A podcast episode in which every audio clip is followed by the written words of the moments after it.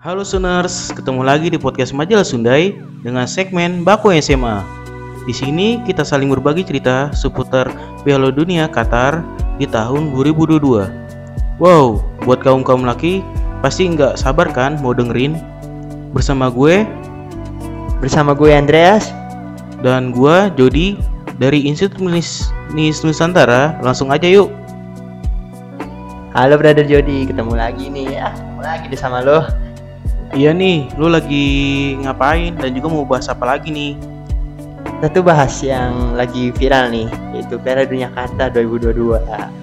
Asik banget, bay. Udahlah, Portugal pasti juaranya nih pasti. Ya, lo main Portugal Portugal aja yang juara. Siapa bilang Portugal juara? Belanda pasti juaranya.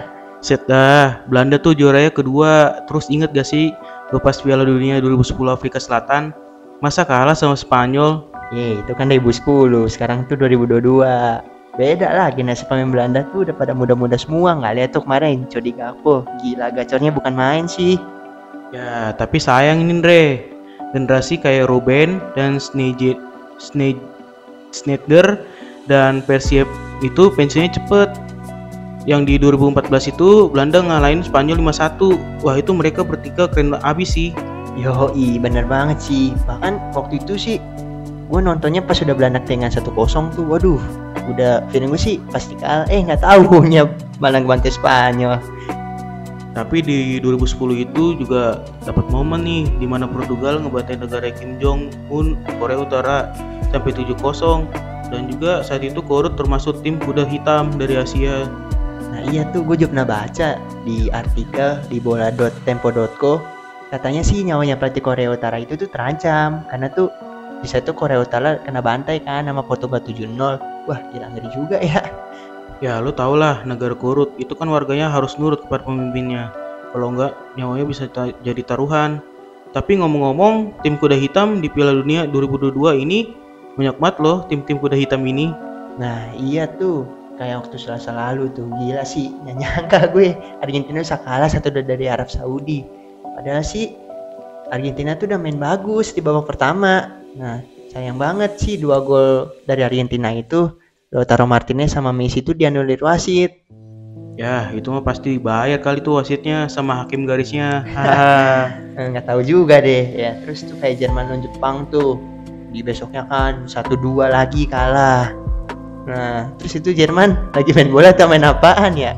Kesel sih sama yang back yang nomor 23 itu tuh namanya quarterback tuh malah, malah dibiarin tuh yang pemain Jepang yang Asano itu lewat. Ya udah gol deh. Padahal tim yang juara di 2014 itu yang dikalahin Argentina loh. nah makanya susah juga sih. Kan bola itu bulat ya bukan kotak. Nah jadi siapa aja bisa juara. Tapi menurut lo nih Piala Dunia sekarang siapa yang menang? Dan juga siapa yang paling berat?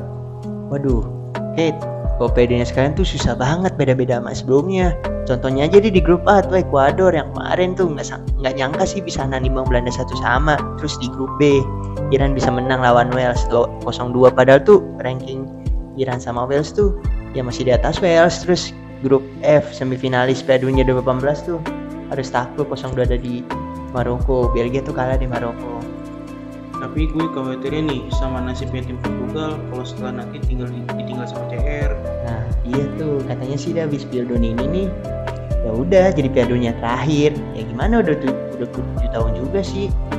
Ya caranya pasti nanti Port- pelatih Portugal itu muter otak cari striker yang kayak Ronaldo lah sekelas kayak Ronaldo gitu.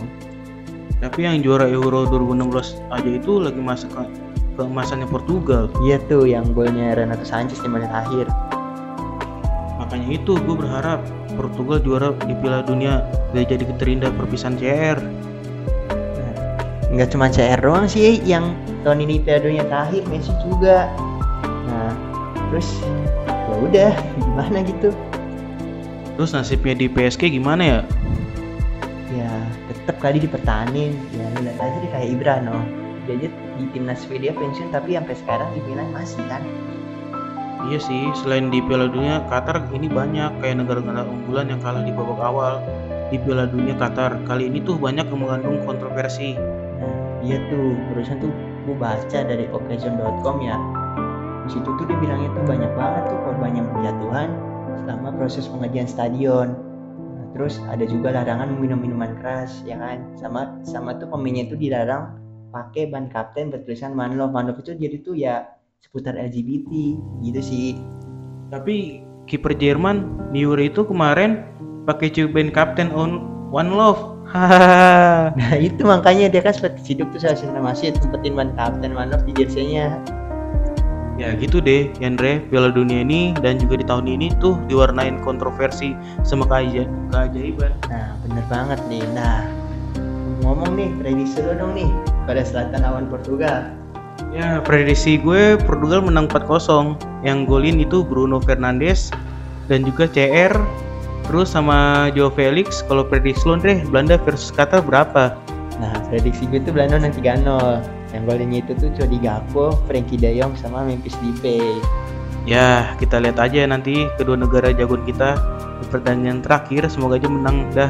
Nah, iya sih gue sih berharap sih ada jago nama gue tuh ketemu di final seru gitu kan, apalagi kalau taruhan. Waduh. Eh, tapi BTW nggak berasa ya Andre obrolan kita mengenai Piala Dunia Qatar 2022 ini pasti kaum-kaum pria yang dengerin podcast kita punya jagoan negara masing-masing kan? Nah, pasti dong, nggak mungkin nggak punya. Nah, buat saner semua nih yang punya jago negaranya masing-masing, boleh dong nih kirim prediksi kalian semua ke nomor 0895 3405 0237 dengan hashtag prediksi Piala Dunia 2022. Siapa yang nanti akan maju ke final Piala Dunia 2022 nanti? Nah, sekian dulu podcast episode kali ini untuk yang ingin tahu tentang majalah Sunday. Bisa dilihat melalui Instagram, TikTok, dan Twitter majalah Sunday dan nantikan episode selanjutnya dari podcast majalah Sunday. Gue Andreas, Dan gue Jody. kita udah cabut, see you and have a good day.